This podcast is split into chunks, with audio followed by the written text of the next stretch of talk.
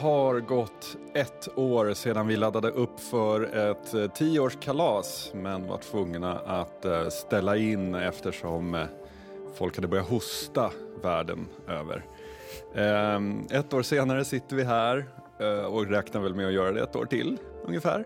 Men Oddpod med mig, Billy Rimgard, min kollega Tobias Nordström, den sista motståndet mot att bara prata om den där hostan. ja. Ska vi unna oss att ställa en, en coronarelaterad fråga? Ja. Har du haft Rona än? Nej. Jag kommer ihåg att vi pratade det i, om det i liksom det avsnittet där vi deklarerade att vi kommer inte prata om eh, pandemin. Så här. För ett år vara... sedan ungefär.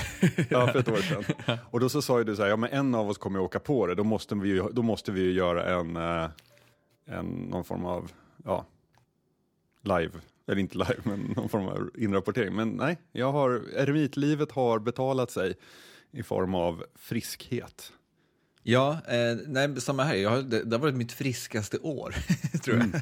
Det, det, det, blir, det blir väl så för att man helt plötsligt beter sig som man borde göra alltid. I, mm. i, inte riktigt då såklart, men, men, men ungefär.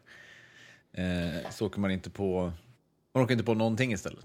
Eh. Ja, den senaste veckan har jag varit lite som lite så här, när jag kommer utifrån och går in så rinner min snok lite grann. Men annars så är det liksom, har jag varit kärnfrisk. Så att ja, det, jag gillar det. Den, de, enda, de enda hälsoproblemen jag haft det senaste året har ju varit att jag har haft återkommande huvudvärk. Ja. Men det har ju kommit, framförallt sen i, i höstas ungefär. Men det har jag kommit fram till nu och fått diagnostiserat att jag behöver glasögon. Ah. Jag, jag, jag, spelade förvånad, jag lyssnade på, på er Spelhjältan podcast när du outade det här på ett jävligt dramatiskt sätt. Jag satt och var orolig. I, I början av avsnittet så påar du om att du har hälsoproblem och att det var därför du hade varit borta ett avsnitt. Och att du ska återkomma i slutet av avsnittet och berätta vad det är. Och jag blev ju så här, genuint jätteorolig för dig som, som en vän, men jag tänkte att om det hade varit någonting riktigt kritiskt så hade jag väl fått veta det, hoppas jag. Ja. ja. Nej, men det, det är ju så här, jag målade, var ganska dramatiskt där, men jag, det, det finns ju en känsla av att så här, man inser att det går ut för när man behöver glasögon på något sätt. Mm. Alltså det, det, det är som en bil, så länge bilen är ny behövs det liksom inga reservdelar, men sen man märker att det börjar behövas reservdelar så förstår man att så här, det här är långsamt, sakta men säkert början på slutet på ett sätt. Ja. Men sen finns det men det är när ju... den domen faller som man börjar tänka på sin egen dödlighet alldeles för mycket. Ja, men lite så. Det, men, det, och sen förstår jag att det är inte slutet på livet att man behöver glasögon. Men det är liksom att man är över krönet på något Men det är början på slutet. ja. eh, men sen finns det ju en annan del av mig som känner att eh, jag, jag kommer hem lite grann. För det är ju så här... Eh, på insidan har jag alltid varit en glasögonperson känner jag, men, men det har aldrig behövts riktigt. Ja, ja jag, jag hade ju precis påbörjat en rekalibrering av mina glasögon för ett år sedan. Eh, därför att eh, ja, jag hade inte uppdaterat dem på ett antal år och eh, synen förändras ju. Och jag har också haft huvudvärk i perioder. Eh, så hade jag precis påbörjat eh, en uppgradering när man fick gå hem. Eller så här, vi hade påbörjat uppgraderingen, jag hade lackat ur på Synsam och tänkt att aldrig i livet kommer inte gå dit mer, jag ska gå någon annanstans. Och sen så blev han hem, hemplacerad. Uh, så att jag sitter kvar med mina gamla. Det kanske är dags för mig att ta tag i det där. Men det, det var ju en ögonöppnare att det här liksom optikerverksamheten i Sverige är ju närmast någon form av så här kartell. Eller mm. kanske inte kartell, men, men det är ett, en, ett vidrigt eh, område att röra sig in på. För jag var ju så här då att jag gick ju först jag, jag, jag, jag har haft lite problem med huvudvärk, haft problem med lite lätt yrsel några gånger senaste halvåret och började liksom kolla vad fan kan det här vara. Min sambo sa, du kanske behöver glasögon, du borde gå och kolla. Och så började jag liksom kolla lite grann med Vårdguiden och sånt där och mycket riktigt det dök det också upp att så här, gör en synundersökning. Så då tänkte jag, men då bokar jag in en synundersökning. Eh, och då framkom det mycket riktigt att jag är översynt och eh, gör man då eh, som jag och sitter vid en skärm tio timmar om dagen så får man ont i huvudet därför att ögat sitter och spänner sig lite grann hela tiden. Um, och så då fick jag det där liksom på, på papper, så att säga, ett recept på att så här ser ditt synfel ut. Och sen då så några, eh, en vecka senare ungefär skulle jag gå och köpa de här glasögonen då.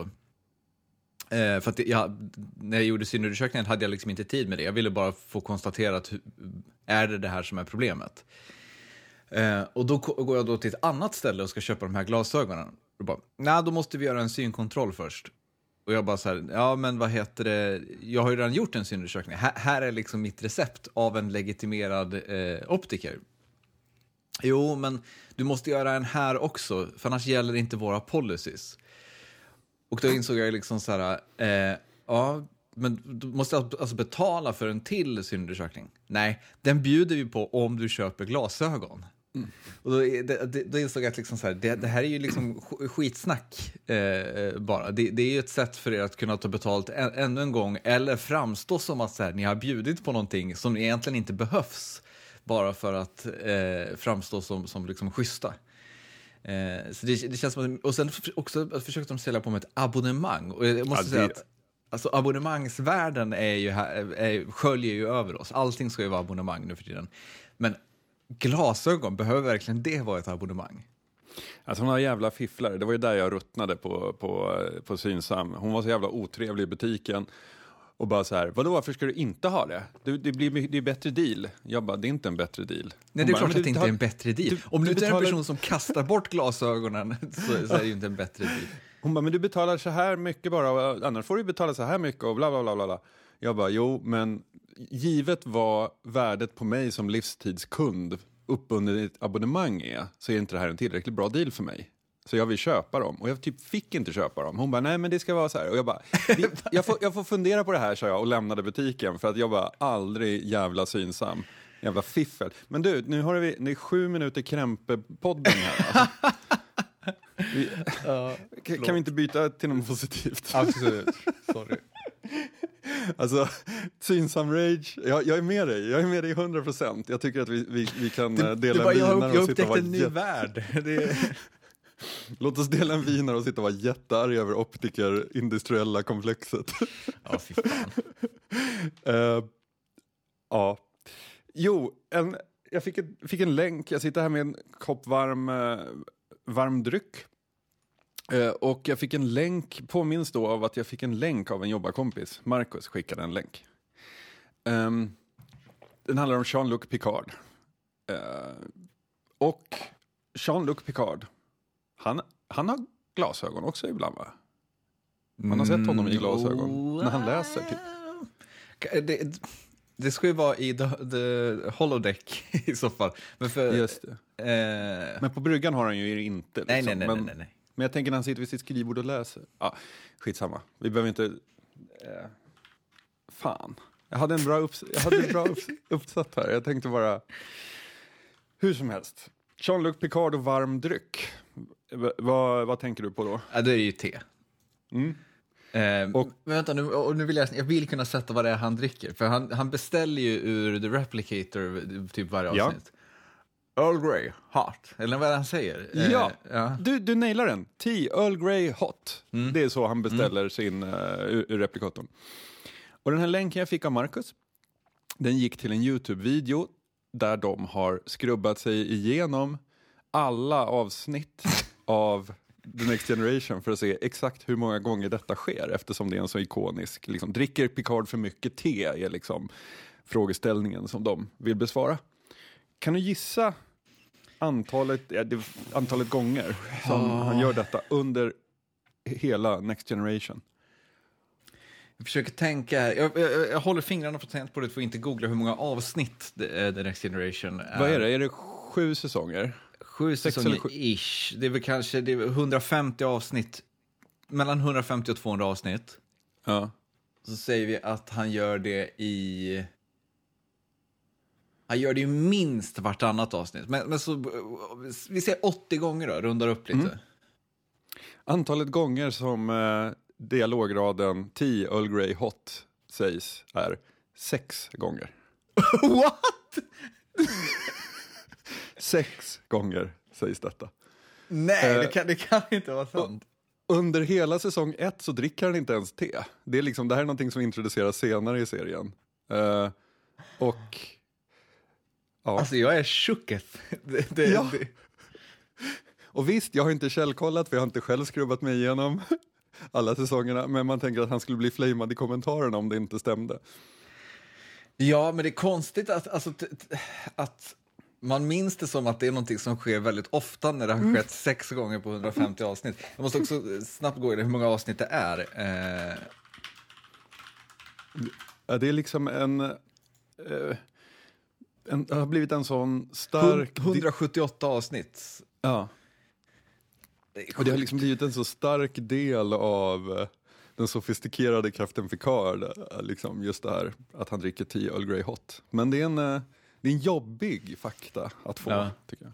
Det är samma sak som den här, det här klippet som kom för tio år sedan ungefär Nej, lite mindre, men, men där någon hade tittat igenom alla avsnitt av Rederiet och eh, klippt ut varje gång någon erbjuder någon annan kaffe.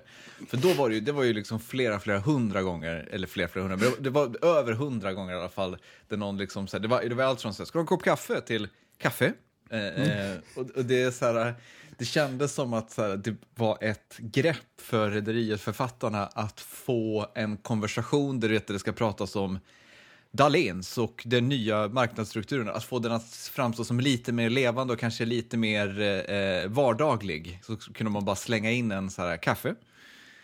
Just det. Det var liksom innan, innan Tarantino hade förfinat liksom den mundana dialogen. att den kunde bara flyta på. Alltså, bara, hur fan får vi in all den här expositionen? Ja, men också när man kanske inte som manusförfattare har lyxen att vara Tarantino. För man, man, här, man, ska, man måste liksom pressa in x amount of plot i varje avsnitt. Så man, man, kan liksom inte, man kan inte färglägga och göra mm. manuset levande utan det måste liksom bara vara, komma till eh, vad heter det, den kritiska punkten i varje konversation direkt. Liksom. ja. Hör du, för ett par veckor sedan så pratade du om ett traumatiskt dygn eh, du hade haft som bland annat innebar att sitta och skissa i paint för polisen på ett videoförhör angående ett eventuellt mord du hade sett. Eh, jag, kommer inte försöka, jag har haft ett traumatiskt dygn jag med, jag, men jag, jag vill undersöka att jag inte försöker toppa din grej här. Nej, inte okay. liksom, in, liksom, det här handlar inte om vem har haft mest traumatiskt dygn. Um, vi bara vara tydlig med det, för att vi inte jobbar så här. Men det var rätt traumatiskt, måste jag säga. Mm. För eh, det börjar Eh, eh, morgonen häromdagen, eh, så vaknar min eh, yngsta och hostar och snorar och hostar och snorar. Och eh, det är ju inget konstigt om det inte vore för att det var som det var i världen. Ehm, så det jag gör är att jag bokar ett drive-in-test för eh, eh covid för att veta liksom, om det är det. Eh, hon är ju liksom helt fin i övrigt, ingen feber eller så, så att det var inte för hennes skull utan snarare för oss runt omkring, att man bara kan förhålla sig. Liksom. Också, en per, också en perfekt people of late capitalism, att man bokar ett drive-in-test. Ja, verkligen, verkligen. Bara det kittlar ju lite. Det uh, gjorde man inte under pesten. Liksom. Nej. Då var det tvärtom att de kom och körde förbi och hämtade de döda. Ja. Men vi åker dit, eh, man ställer sig i den här kön, det kommer fram någon eh, person i någon sån här hazmat-outfit eh, och tar mitt lägg som är mitt körkort, går iväg, kommer tillbaka och säger det här körkortet har gått ut. Så utan att jag har märkt det så har liksom mitt körkort gått ut och det var i februari, det var bara några veckor sedan. Så, här. Så bara helvete, och bara åker hem, kolla mitt pass, det gick ut oktober 19 för jag har inte rest något. Så här. Och det var ju liksom, körkortet var ju min giltiga identifikation. Så ah, helvete, ja, vi löste i alla fall det där med att jag fick åka och hämta hennes mamma från sin arbetsdag och eh, åka till det här testet. Eh, hon kunde identifiera sig då. Men det, det betyder att så här, okay, jag får inte köra bil. Det är samma sak som att köra utan körkort, att köra med, ja, så. Och eh, igår så skulle min äldsta dotter åka på ridskola hela dagen i Bålsta. Och då liksom så här, ja men det är jag som, givetvis jag som har fuckat upp. Jag skyller inte på någon annan här, utan det är jag som har missat att förlänga min, mitt körkort. Fine.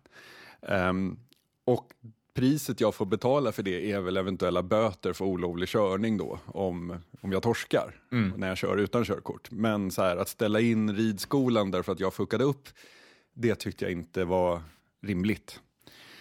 Så jag kör henne till, och jag tänker så här, jag har haft körkort i tio år, jag har blivit stoppad tre gånger i så rutinkontroller. tre gånger i olika rutinkontroller. Och vad är oddsen då för att jag under den här, liksom, jag kommer ju köra mindre såklart, men det, det, liksom, ja, jag vill ju inte åka tunnelbana så lite kommer jag ändå röra mig med bilen. Har du sett Under belägring 2? Ja, Där finns det ju den ikoniska repliken som jag tänker, jag anar, eh, vad heter det, foreshadowar vad som kommer hända i det under det här, den här traumatiska dygnet. Nämligen eh, repliken eh, “Assumption is the mother of all fuck-ups”. ja, ja, precis. Vi, vi, vi får se vart, vart vi landar här. Jag kör i alla fall 50 minuter till Bålsta, släpper av eh, den stora dottern eh, på ridskola. Eh, ska köra hem med den lilla sjuka. Och det är ju ändå liksom en timme och 40 minuter då fram och tillbaka. Så någonstans på vägen hem, eller ja, en bit in på resan på vägen hem, så eh, börjar hon, ja, hon, hon är ju sjuk så att jag föreslår liksom, men ska vi ta en glass på vägen hem? Så här. Och hon blir skitglad, bara aspeppad. Ja, glass! Så, Mm. så någonstans vid Kallhäll så svänger jag av för att köpa en glass. Och som sagt, oddsen för att hamna i en eh, vägspärr. Om jag säger att jag under de kommande tio minuterna skulle hamna i fem vägspärrar för jag svänger av i Kallhäll.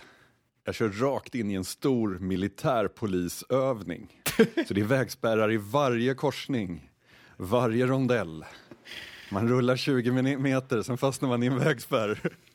Och grejen är så här att eh, de här barska unga männen som utbildade sig till militärpoliser, de stod och pekade strängt att jag skulle stanna och sen ställde de sig runt bilen. Och jag bara sitter och väntar på att snart kommer någon och knackar på rutan och ber att få se identifikation. Men det gjorde de aldrig utan efter ett tag klev de åt sidan och vinkade fram mig så kom jag till nästa vägspärr. Och jag satt där och darrade som ett jävla asplöv. Jag log och försökte bara så här, tummen upp, du vet, bra jobbat gubbar, du vet, typ sådär.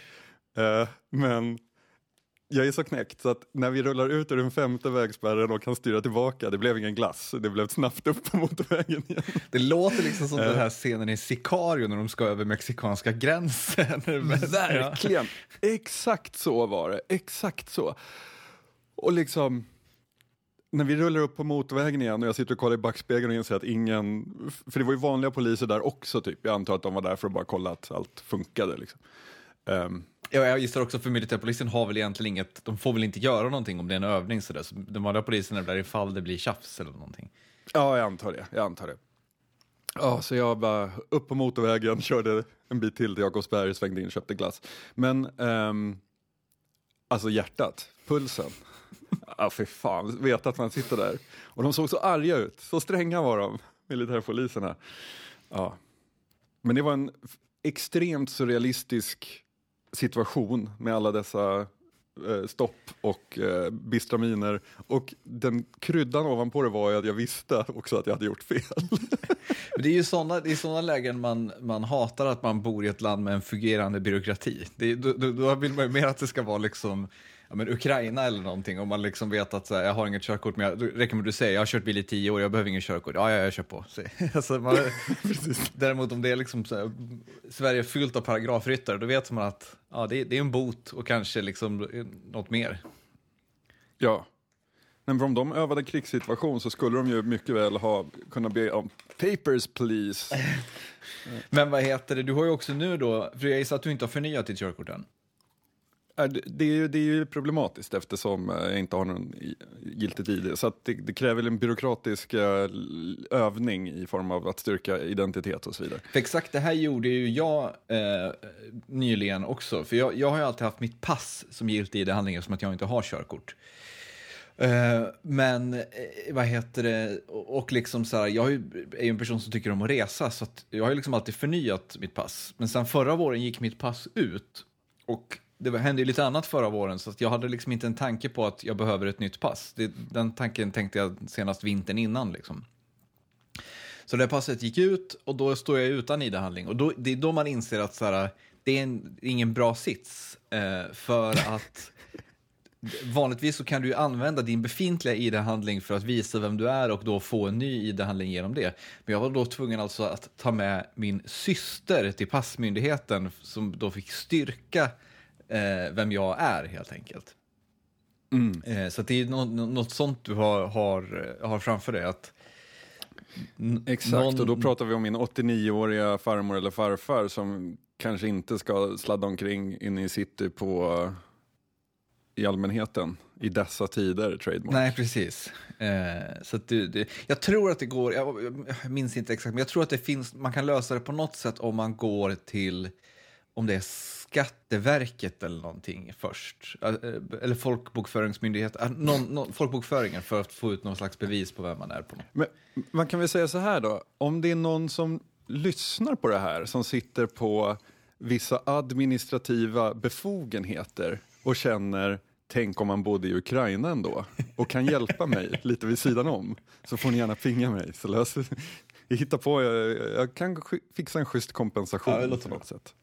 Mm. Hörde, jag vill bara säga en sak eh, och det är att det, denna dag eh, så släpps det femte avsnittet av Eldfesten. Vi, då, du, du, du pratar då om, alltså, om denna dag är fredag, den 5 mars. Ja. Mm. Exakt.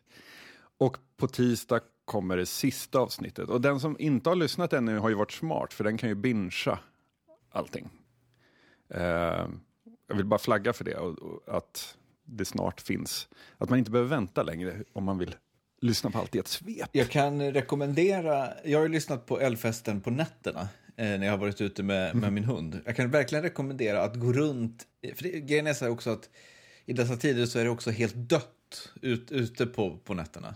Eh, Så att, jag kan verkligen rekommendera att ta en nattlig promenad med Älvfesten i lurarna. Det, det ger bra stämning. Åh jäklar, ja vad kul. Vad kul. Eh, jag tycker det är väldigt bra. Så att ni, ni har ju skapat någonting som är unikt på många sätt. Jag är, vad heter det, in å över hur eh, otroligt intrikat och snygg framförallt formen är på, på eldfesten. Gud vad roligt att höra. Ja, det, har, ja, det glädjer mig oerhört. Formen och berättandet i sig eh, har ju inneburit vissa utmaningar när det gäller att försöka bedöma om det är begripligt, om det är förpackat, om det är för... Alltså det har ju varit giss, alltså om man läser en text man har skrivit så kan man liksom titta hur fördelar man ut informationen, förstår man hur hänger det här ihop och så vidare. Men när man jobbar med lite mer den här collageformen eller pusselformen så är det ju oerhört svårt att veta vad som är begripligt för någon annan. Eh, och just nu är vi liksom, när vi, vi var ju klara med alla avsnitt och sen var, inför varje avsnitt, kvällen innan det ska släppas, så har det gått till så här. Jag har lyssnat igenom filen, ja, men låter schysst för jag lyssnar på produktionen. Eh, sen så får jag ett eh, WhatsApp från Jenny som bara, hallå, eh, här säger de det här, sen här framme så händer det här. Så, det, det, fun- det håller ju inte liksom. Och jag bara, nej! Så att va, va, kvällen innan varje släpp så har det varit så här panikomklippning för att rädda varje avsnitt. Ni behöver en skripta helt enkelt.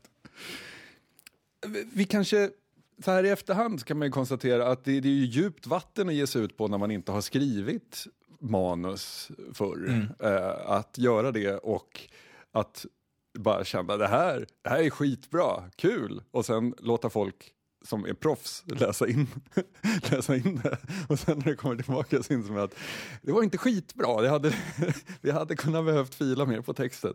Men vad fan. Men jag tänker också att det här är en typisk, typisk sån berättelse som tjänar på att vara nästan begriplig, om du förstår vad jag menar. Alltså, alltså att Ja. det finns en, eh, en styrka i att man känner att man måste lägga lite pussel och att man kanske inte riktigt helt greppar helheten för att det gör att man blir mer framåtlutad. Jag tänker, det är lite samma effekt som i liksom Twin Peaks. När allt är konstigt så blir man intresserad av det konstiga för man, man vill förstå hur saker hänger ihop även ifall man, man efter ett tag inser att det kanske inte riktigt hänger ihop. eh, så, så skapar det ändå en, en, en, en bra medvetenhet runt hur storyn berättas. Eh, jag skulle vilja visa en bild för dig. Do it. Jag, vet inte, jag hoppas att du inte har sett den här. Eh, men jag skulle vilja att du tittar på den här bilden och beskriver vad det är, eller vad du ser och kanske vad du tänker att det är. Okej. Oj, jösses. I bakgrunden, det ser ut som en... Alltså så här, det, det är en figur av något slag och liksom man kan säga att bottnen ser ut som en guldstaty eller en guld, nästan någon slags mumiebeklädnad eh, med gjutet hår eh, i, i liksom guld eller metall. Bara det att själva ansiktet är en gammal dödskalle, en jättegammal dödskalle. Den, är, den ser ut att vara många, många hundra år, tusen år. Men sen så sitter det också ett plastvisir då över hela den här um, dödskallen. Så det, man skulle nästan kunna se ut, säga att det ser ut som en så rymd, alltså en astronaut, bara det att det är en dödskalle och resten av, förutom visiret så är allting i guld. Det är en bra beskrivning. Vad heter, jag, jag, kommer, jag skickar lite fler bilder på, på samma grej till dig så, så, du ska få se. vad heter det?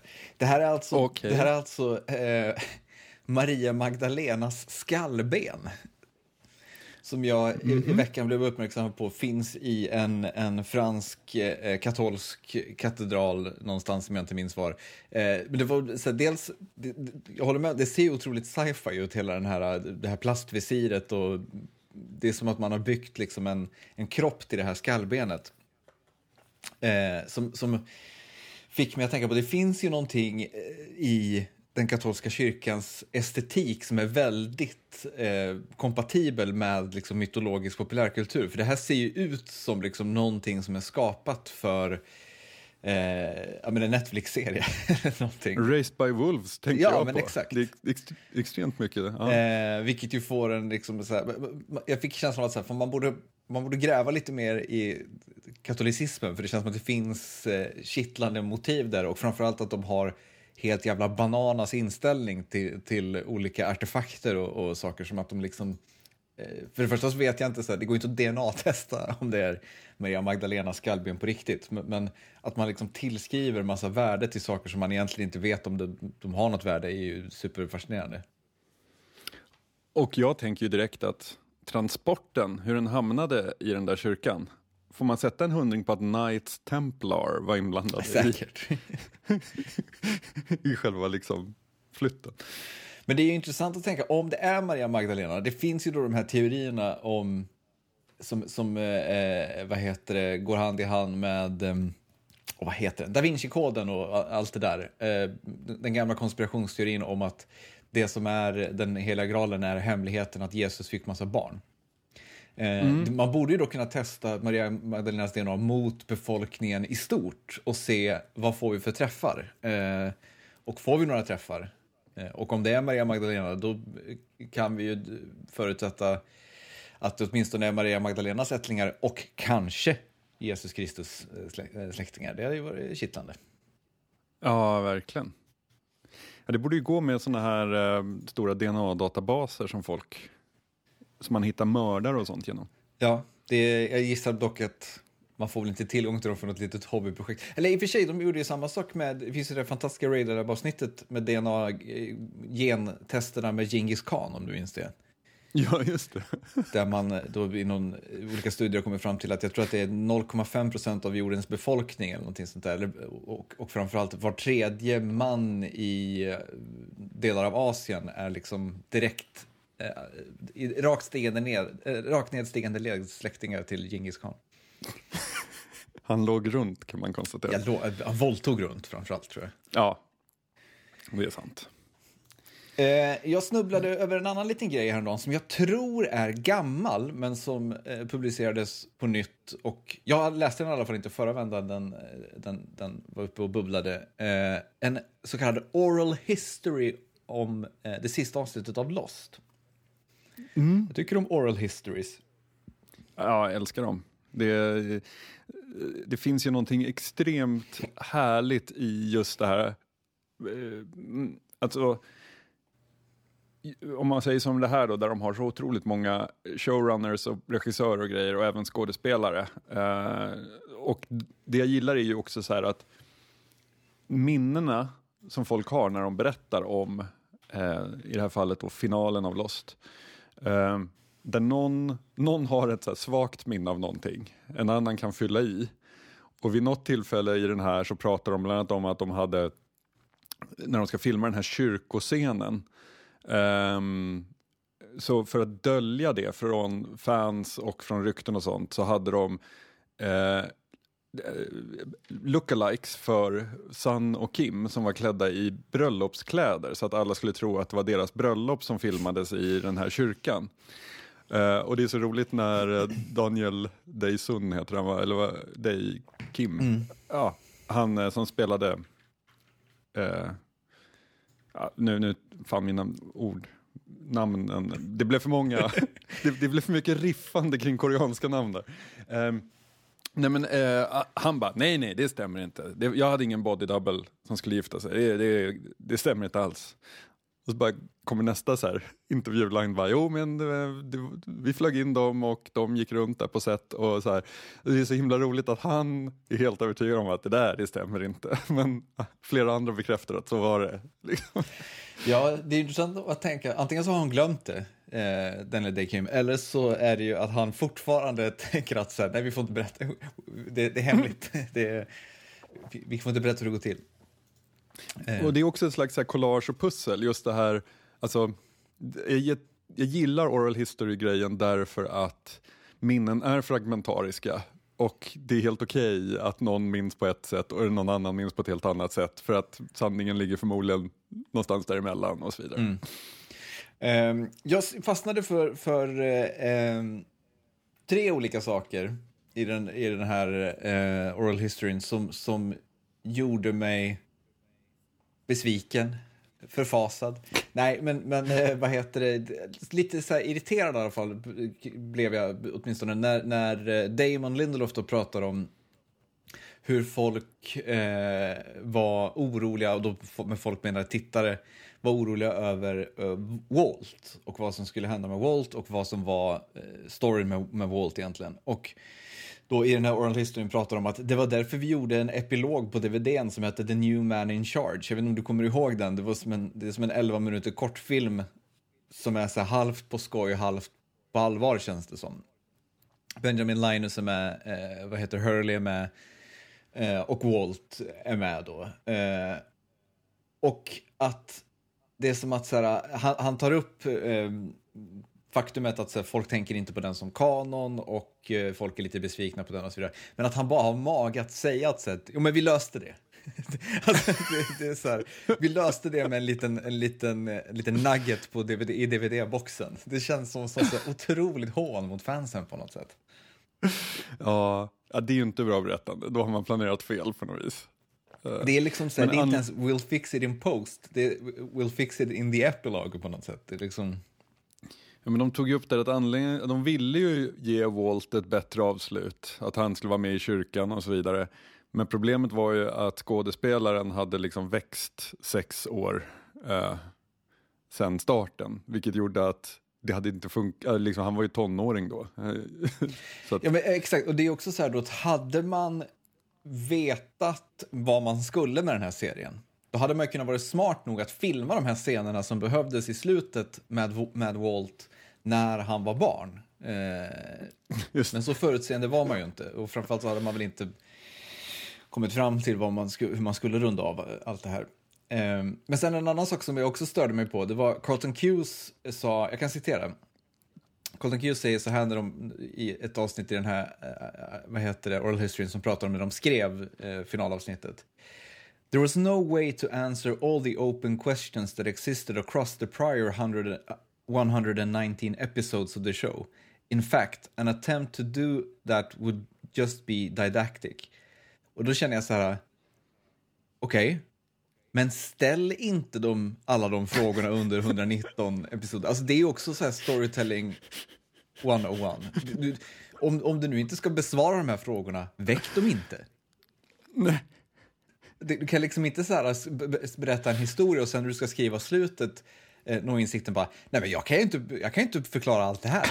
Det, det, det är liksom så här, vad är det? Det, det, är, det är det mest uppgivna jag har hört på något sätt. Ja, men för liksom... Jag kan, jag kan tänka så här. Det är liksom som ett barn som skriver en berättelse. Mm. Och, liksom så, och, på, och de sista två meningarna kommer på att så här, just det, jag måste liksom knyta ihop det här nu. Nu har jag skrivit två sidor, mm. det här skulle vara två sidor. Och då skriver jag, ja, be, be, vaknade upp, allt var en dröm. Så man eh, grejat det liksom. Men om man skriver, så här, du kommer in i en liten stad. Så här, eh, på en altan sitter en eh, enögd, mystisk människa och gungar i en gungstol och blänger på dig. Så här. Um, vi behöver inte förklara vad den personen har för, för roll i berättelsen därför att det, kan, det, det funkar bara som stämningssättare. Den, den säger någon, att den personen sitter där säger någonting om den här staden som karaktären har kommit in i. Liksom. Men Lost jobbade ju inte på det sättet utan Lost Alltså det var ju inte bara stämningssättarmysterier utan det var ju också en del riktigt stora plotlines mm. som aldrig eh, liksom följdes upp. Jo, och sen um, förlåt, jag vill bara skjuta in, och framförallt så var ju glidningen mellan vad som var vad var ju också ofta väldigt otydlig. Med, med, mm. med flit såklart, för att hålla saker spännande. Och det blir liksom någonstans, alltså någonstans så blir det ju ändå så att om man håller upp någonting och säger kolla på den här, kolla, är den inte cool? Eh, så måste man också förklara varför den är cool sen. Eh, jämfört med om den bara står där i ett hörn och ser cool ut. För då, då är det upp till tittaren att och liksom lägga någon vikt vid den. Eh.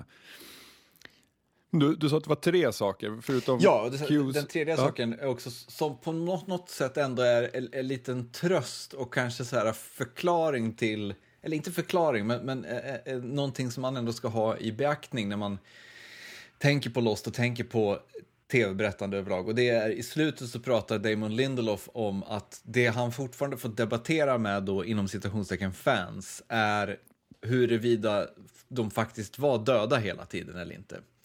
Eh, och han pratar om att så här, han brukar då, när folk vill diskutera Lost och säger liksom att här, deras teori var att de var döda hela tiden och att de fick rätt när de såg finalen är att eh, Damon Lindelof misstänker att det här är personer som framförallt följde serien säsong 1 till 3 och sen såg de finalen. Um, han pratar om att, jag brukar fråga dem, eh, vad heter det, vad tyckte de om Faraday? Och vet de inte vem Faraday är, då, då, är det liksom, eh, då är det tydligt att de kanske inte hängde med så mycket, för Faraday var ändå en, liksom en bärande karaktär i, i seriens senare säsonger. Och det, det fick mig också att inse att, så här, att man ska, måste liksom också tänka att det svåra med Lost måste ju liksom ha varit den spännvidden. Att så här, mm. det fanns en jätteliten minoritet som var som du och jag och massa andra som, som hade sett varenda minut, eh, ofta flera gånger av, av serien. Eh, och läst på forumtrådar och haft teorier och försökt se hur allt det här hänger samman. Och sen fanns det liksom en betydligt mycket större, bredare massa som bara ville veta eh, vad, var, vad var ön egentligen? Eh, mm. och, och liksom inte sket fullständigt i hur saker hängde ihop. De ville bara ha ett, ett svar på vad det här är. Liksom. Jag kommer ihåg hur provocerande det var när man var sådär super inne i Lost och bara gick och väntade på nästa avsnitt och bla bla. Sen var man över hos morsan och käkade middag och liksom sitter och småpratar och Lost nämns och hon bara, ja men det är ju bra. Jag, liksom, jag brukar kolla på det om det, är på, liksom, om det går när jag slår på tvn typ så här. Och man bara så okej, okay, så du ser var tionde avsnitt typ. bara, så jävla provocerad. Och jag menar, det, det är ju, ja, det är jättesvårt att göra någonting som funkar för båda på något vis. Ja, ja alltså omöjligt i princip. Ja. Det var ju liksom lite innan den här tiden när man alltså, faktiskt kunde börja göra en serie, alltså så här, Raised by Wolves, liksom, som bara så här, vi bara förutsätter att tittar man på avsnitt sju, då har man liksom då har man sett avsnitt 1 till 6 med stor uppmärksamhet. Typ. Ja, och framförallt så kanske vi är i en tid där man kan hitta sin, genom streamingtjänsterna så kan man hitta sin, sin nischpublik och tänka att nu pratar vi till dem. Vi, vi, när man sänder en serie primetime ABC så måste alla kunna hänga med åtminstone någorlunda. Nu kan man lite mer skita i det därför att man vet att nischpubliken hittar dit eh, där, om, det, om man får en bra produkt så hittar nischpubliken dit och kommer vara trogna liksom, eh, i bästa fall. Men jag tog med mig ett par saker från den här oral historyn. Eh, eh, bland annat så lollade jag högt när Josh Holloway som spelade Sawyer berättar att han vid något tillfälle går fram till Damon Lindelöf och, och Carlton Cuse på eh, onset och bara så här The island is moving right? Och de får något så här jättekonstigt ansiktsuttryck och svarar typ inte. Och han bara I mean it's moving, it's not in the same place. Och Damon bara Who have, been, who have you been talking to? Skitsur så här. Och Josh bara okej, okay, uh, jag ska inte sluta teoretisera typ. Uh, för han, var, han, han kom för nära sanningen. Det tyckte jag var kul. Jag skulle vilja se, se den, uh, det utbytet. Ja, och det, det får jag också tänka på lite grann att Undrar hur stressade de blev när de såg att folk liksom på nätet klurade ut saker för tidigt. Mm, just det, just det. Men sen en annan grej, det är ju det här, liksom, de kommer ju tillbaka till det ett antal gånger, alltså det här att hur bisarrt det är att de första liksom, typ två, tre säsongerna, då var det ju 24 avsnitt per säsong, mm. så de, liksom, de hann ju aldrig lyfta blicken högre än vad ska vi spela in nästa vecka, typ. Um, och likadant när de då har filmat den här, eh, filmat allt för finalen, så hade de åtta dagar på sig att klippa två timmar, mm. eh, två timmars avsnitt liksom. Och alltså, jag kan säga så här, okej okay, det är väl 18 timmars, 8-18 timmars dagar antar jag. Um, men med tanke på hur extremt lång tid det har tagit att klippa varje 20 minuters avsnitt av Eldfesten som inte ens har bild utan bara mm. ljud. Uh, så är det så här, ja men, jag, alltså, jag fattar också att man inte får ihop en perfekt produkt eh, när man hela tiden ska leverera så jävla mycket och så jävla fort. Eh, jag, alltså jag fattar att de kanske, man läser lite mellan raderna att eh, alltså de, de kanske hade velat göra det på ett annat sätt rent logistiskt. För det är ju fan, alltså klippa två timmar två timmar liksom seriefinal av en av de största serierna som någonsin har sänts på åtta dagar. Det är ju det är helt sinnessjukt. Jo, uh. sen har de ju många klippar också, men, men ja, det är ju det är, det är helt, helt sjukt. Uh, det är framförallt uh, helt o... Det, det, det, går ju inte att då ha att det är en person eller två personer, eh, nämligen Lindelof och Hughes, som ska liksom vara de som har koll på det övergripande och se till så att allting håller ihop. Det, det, alltså jag, jag fattar att det funkar med en serie som CSI, där man kan ha fyra producenter eh, och Eh, massa regissörer som liksom håller i ett avsnitt var. Eh, ja. Och sen behöver man liksom inte ha, man kan skita fullständigt i vad som händer i de andra avsnitten. Här, här blir det ju mycket mer intrikat när saker ska samspela och massa annat. Det var en sak till jag tog med mig och också blev provocerad av. Uh, Jimmy Kimmel studsade upp, han var ju ett stort fan uh, av Lost och i något läge på någon gala eller någonting så hade han liksom huggit tag i Damon Lindelof och bara You gotta tell me how it ends, typ så här, I need to know. Så här. Och Damon Lindelof bara, okej, okay, vet du vad? Vi gör så här, jag kommer skriva jag kommer skriva hur det kommer sluta på ett papper och lägga ett kuvert och försluta det och ge det till dig. Och sen får du själv avgöra om du vill sprätta det och förstöra liksom upplevelsen eller om du vill behålla eh, hemligheten. Och Jimmy Kimmel bara, nej det tänker jag inte göra för att det kommer bara stå så här på den att haha, vi visste att du inte skulle kunna hålla dig eller någonting på pappret. Han, och Damon Lindelöf bara, nej men jag lovar, jag kommer skriva exakt hur det slutar. Och då är vi tillbaka till JJ Abrams mystery box. Mm. Och alltså, kan de släppa det? Kan vi släppa det här liksom besattheten vid en mystery box? Anything is possible! Ja, det är alltid återkommande ja, tema. Tyvärr. Men eh, vi kan ju droppa den länken på eh, någonstans. Eh, vi slänger ut den på Twitter. Ja. Ska vi röra oss mot då det sista kapitlet i eh, Tales from the Loop-cirkeln där det ju också finns på många sätt en mystery box eh, centralt belägen, eh, nämligen vad är the loop? Eh, en, frå eller en fråga som, och en mystery box som vi knappt går runt i den här serien. Vi, vi öppnar den definitivt mm. inte. Vi, vi, det är som att så här, vi, vi kan kanske skönja den från rummet bredvid, typ. Mm. Eh, Det, vi har alltså nu då sett avsnitt 7 och avsnitt 8 som är de, de två sista avsnitten i den första eh, säsongen. Börjar, börjar liksom bara så spontana tankar. Vad, vad, kände du för de två sista avsnitten? Det är ju lite mer av samma, men samtidigt är det lite annorlunda. För det börjar ju, alltså här börjar man ju ändå se en kontext där eh, liksom samma personer dyker upp och vi... Eh, men, men alltså, det finns ju någonting jag tyckte de här två avsnitten var närmare någonting som jag uppskattar. Mm. Eh, liksom, de två första avsnitten gillade jag därför att det var nytt och man bara wow, vad är det här? Sen tyckte jag att har gått på tomgång. Sen tycker jag de här två avsnitten har eh, närmat sig tillbaka, någonting som jag gillar. Eh, det som är positivt, tycker jag, det är att de här vi vet väldigt lite om The Loop eh, och vad som pågår på den där forskningsanläggningen. Eh, det gör även de, de, som bor i eh, den här byn eller orten. Eh, de pratar ju inte heller om vad som pågår där. Utan det är liksom, Vilket är helt obegripligt. Det, men ja. ja, det är bara The Loop. Så här. Och det finns ju någonting som är lite nästan det är nästan lite Lovecraft det här tanken på att så här, här bor jag, det händer jätteweird saker och jag accepterar bara det. Att vi, liksom, någon bytte kropp med någon och här var en robot som gjorde det där och, och så. Och det är liksom ingen som bara så här ställer sig mitt i gatan och skriker vad fan är det vi lever i? Liksom det här är inte acceptabelt. Det är lite som att och, och, och så här, eh, eh, men jag tänker så här, de här ryska orterna eller sovjetiska orterna som bodde bredvid någon så här kärnupparbetningsanläggning. Så liksom hälften av barnen dör i cancer innan tio och, och, och sådär. Men att man bara så här, man, det är här vi bor. Mm. Det är så här mm. det är. Mm. Uh, det finns en... Ja, men för, förlåt, men jag ska ändå säga, även ifall man bor där så pratar man ju om det.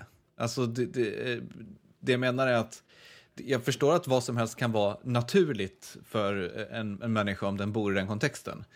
Men eh, om man växer upp i Borlänge och det finns ett gigantiskt stålverk och ett pappersbruk så är inte det något konstigt.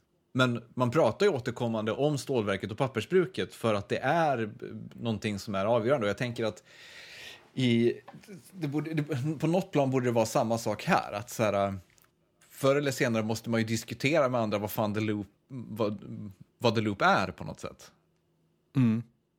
Man går liksom inte bara, om det finns en, en stor industri i stan, man går liksom inte bara så jag undrar vad de gör där, ja, det är väl inget att tänka på.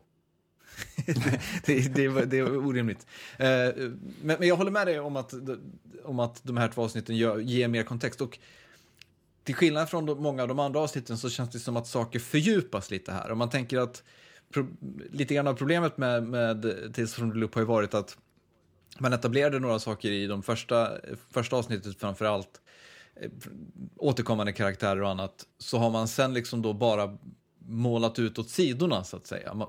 Det är en ny grej varje vecka, en ny person, eh, eller nya personer, nya föremål, nya företeelser. Men här då så får vi till slut åtminstone lite, ja, men lite fördjupning, alltså att vi går in lite mer och ser vad hände och hur funkar det här med, med några saker.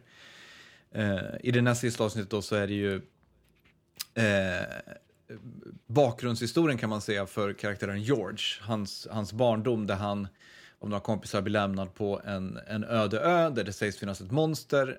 Han inser att det här monstret är en robot som hans pappa har skapat och dumpat där. Eh, och han blir även av med armen när han kommer hem för att han har blivit bisen av en, av en orm. Och det, det, jag dels gillade att det fanns en tydlig dramaturgi här som var Alltså en, en horror flick-aktig grej. Liksom. Mm. Eh, det tycker jag funkade ganska bra.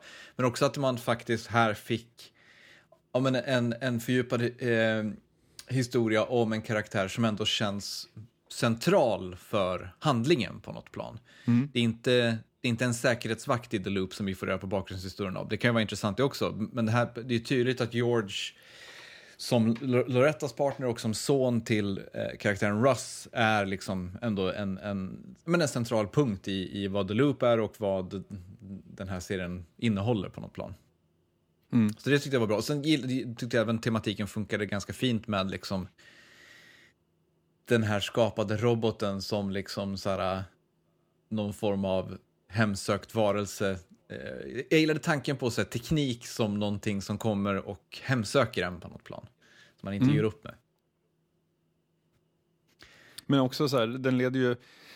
Den här roboten hade ju då i något läge skickats till ön ute i vattnet bara för att, eh, ja, ehm, för, för dess egen säkerhet typ. Eh, Eller, och andras kanske. Mm. Men eh, det, fin- det, lider ju lite av det här problemet. Jag funderar lite över säkerhetsföreskrifterna kring The Loop. För att man skickar då den här till ön men man spärrar inte av ön eller liksom märker ut liksom danger, danger. Och det är lite samma sak med all den här tekniken som ligger kringströsslad i skogen som gör att man kan, ja i avsnitt två var det väl, när de bytte, bytte personer, eh, bytte kropp med varandra.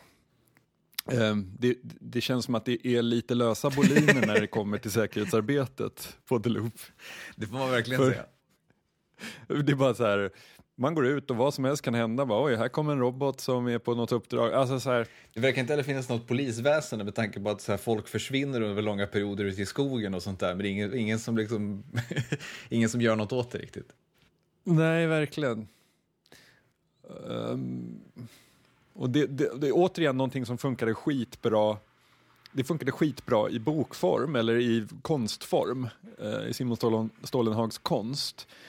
För där var ju det, liksom den dynamiken att så här, ah, här är några barn på väg hem från skolan och där går en robot. Eh, den, den, den dynamiken var ju väldigt speciell när man tittar på det liksom som konst. Eh, för då sätter hjärnan igång och börjar tänka alla de här tankarna. Mm. Men va? Alltså, va?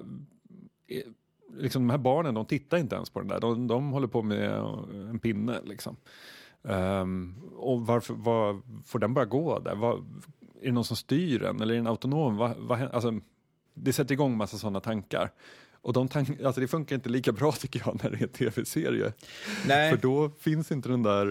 eh, Man, när man inte själv behöver lägga till de lagren, då börjar man istället ifrågasätta på ett sätt som inte funkar. Liksom. Jo, men och sen är det ju det som vi återkommande har sagt under eh, avsnitten av Tesodolup som vi har diskuterat, att det stora övergripande problemet är att när man ser den tavlan eller bilden på barnen som går hem från skolan och en robot, så är det sista man tänker på, undrar vilka de där barnen är?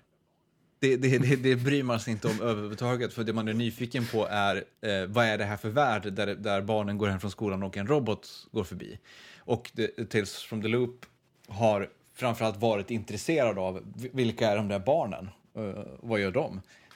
När liksom, det är uppenbart att världen är mycket mer intressant än vad barnen är. Eh, Ja. Så att det, det, den har blivit, liksom gått lite samma, i samma fälla som Lost gjorde med att vara för intresserad av sina karaktärer. Eh, speciellt då med tanke på att eh, inte ens karaktärerna fördjupas särskilt mycket. Eh, det, det, här, jag hade, så här, att vara efterklok är enkelt, men, att det hade liksom varit ganska intressant om man bara fokuserade på den här familjen. Alltså George, Loretta, Russ, deras barn. Eh, och liksom inte gjort massa sidoutflykter kring olika personöden. Eh, och istället fokuserat runt, det, runt dem och deras relation till The Loop på något sätt. Ja, men på något sätt så är det ju så här, nu är vi tillbaka i dödlighet här, från glasögon Mm, till the loop. Ehm, men alltså den temana för hela serien är ju just ens egen dödlighet, tiden som går, eh, viljan att kunna frysa tid i ett lyckligt ögonblick, eh, kärlek, släktskap, familj. Eh, alltså det, det, det är väldigt mänskliga teman. Problemet är väl bara att just de där stora existentiella frågorna har väl behandlats och behandlas med kanske rätt mycket större djup eh, i andra forum än, än en Amazon Prime-serie. Vilket gör att de frågorna de ställer eller liksom de eh, the musings on mortality som sker ehm, det, de i sig är ju inte så aha-väckande eh, tycker jag. Vilket gör att då hade det kanske varit bättre att fokusera lite mer på the tech och göra liksom en bra, en bra raffig eh, mystery show av det Snarare än att uppehålla sig vid de här temana som man ändå inte kan borra tillräckligt djupt i. Ja, eller så, alltså jag tänker så här, som i, i första och sista avsnittet så återkommer ju den här biten med att tid fungerar lite speciellt på vissa platser runt The Loop. Eh, vi, i, I sista avsnittet så ser vi framförallt tydligt hur, jag minns inte vad han heter, men eh, vad heter George Lorettas son går över eh, en bäck när den först är frusen och sen när den är tinad. Och problemet är då att när man går över bäcken när den är tinad så rör sig tiden helt annorlunda eh, i det området helt enkelt. Så när han går tillbaka sen över bäcken så har det gått massa, massa år, Eh, men han är fortfarande ett barn. Han har helt enkelt varit borta i, i typ 20 år eller vad det ska föreställa. Eh, och det, det, är ju ett jätteintressant koncept. Eh, och de slänger dessutom in den här läraren som är en, en android som då understryker, äh, säger en äh, repliken som känns som att den är vi, i, i den här, det här avsnittets kärna med att eh, förändring är en naturlig del av naturen. I'm not. Eh, och det kan man ju diskutera såklart. På ett sätt är roboten också en del av naturen eftersom att den är skapad av människan som finns i naturen etc. Men, men det fanns en intressant tanke där i att vad händer om man ställer någonting utanför den här förändringen som är livet och naturen och allting. Liksom. För det är det den här lilla pojken har varit med om på något sätt. Men, men, så det tyckte jag funkade ganska bra och var ganska intressant i sin kärna. Och jag kände så här, hela säsongen hade kunnat handla om det här. Alltså om just att det finns en konstig tidsgrej här och vad den gör. Eh, istället för att liksom det handlar om en familjefar som skaffar en robot för att känna kontroll. Det bryr, det bryr jag mig liksom inte om. Eh, och det blir ju liksom lite så att man, man skummar mycket på ytan här. Liksom. Eh, och man, man vill vara ganska ambitiös, men det blir liksom inte så mycket. Det, det, det, och det är synd, tycker jag. Synd på så rara ärtor. Vad hette tv-serien som kom för ett antal år sedan eh, där någonting med Pine. Wayward Pines, ort, nej, vad heter den? De, de, de reser till en, en liten ort, tar in på ett hotell typ och sen går det inte att ta sig därifrån. Eh, de är liksom fast i den här... Eh, eh, ja, Wayward Pines var det Wayward Pines, ja.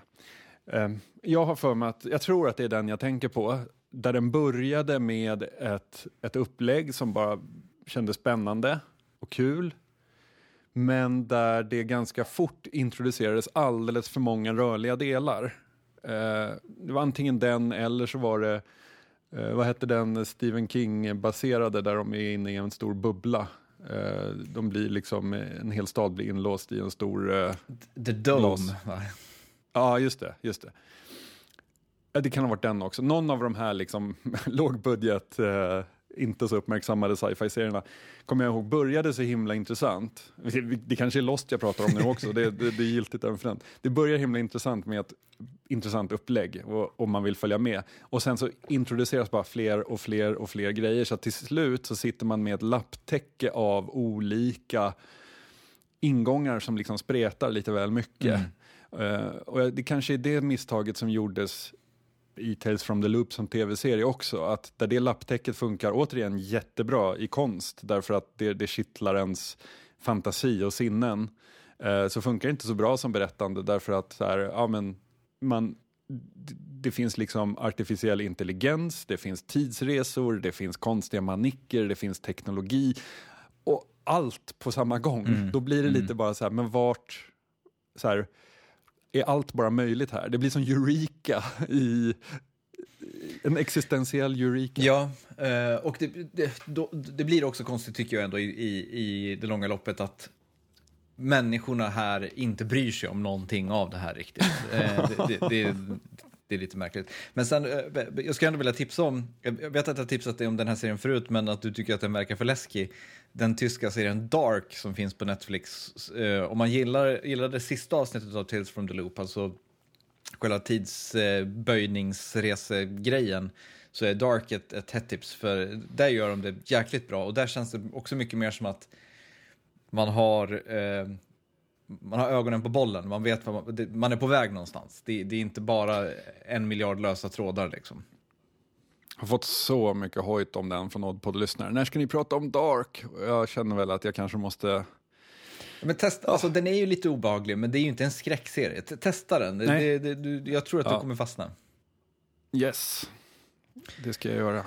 Ska vi så innan vi rundar av det här avsnittet eh, utvärdera lite grann bara Tales from the Loop-cirkeln. Om vi bortser från Tales, Tales from the Loop, känns det kul att köra cirklar? Ska vi göra det mer eller ska vi göra det mindre? Hm. Bra fråga. Jag gillar ju det fokuserade och att man har möjlighet att, att prata kanske lite mer om det än att bara så här, har du sett den här? Ja, vad tyckte du? Ja, det var okej. liksom. man, man, man tvingas att formulera en tanke om någonting, vilket alltid är bra. Sen tyckte jag det var lite olyckligt just med den här, för att som vi sa sist, eller om det var, jo men det var sist, eh, det, finns inte, det fanns inte jätte, det var inte så stor variation, så det var inte jättemycket att säga.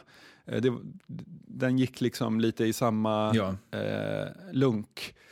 Så vi sk- skulle kunna köra det en gång till med någonting annat som är ungefär lika stor eh, eh, chunk, men göra det kanske med någonting som antingen har en handling som drivs framåt eller som har ja, lite olika ingångar. Jag tycker att B-filmcirkeln är ju fortfarande ett av Oddpods finest moment. Jo, absolut. Men, men jag, håller verkligen, jag tror verkligen du sätter huvudet på spiken med eh, tanken på att någonting som har en, en framåtskridande handling är, är the way to go. Så att man får... För nu är det liksom också lite grann så här som att framförallt alltså i ITs från loopcirkeln så är det liksom inte värt att diskutera saker i relation till tidigare avsnitt. Lite grann såklart, men, men inte, inte alls i det som kan vara vinningen i en cirkel. Alltså att man liksom tillsammans tar sig framåt med någonting. Utan här blir det ju väldigt så här lösryckt. Vilket, ju kan, Ja. vilket blir lite, lite trist. Man kan ju pinga oss med förslag på vad man skulle kunna ta sig an. Gärna. Om man vill. Ja, är det det som är det eller för idag? Absolut. Då hörs vi igen om två veckor. Det går bra att stötta podden på Patreon och då går man in på patreon.com slash oddpod om man vill och kan. Gör gärna det. Ja, Vi, vi hörs. det gör vi. Ha det fint. Ta hand om dig. Hej!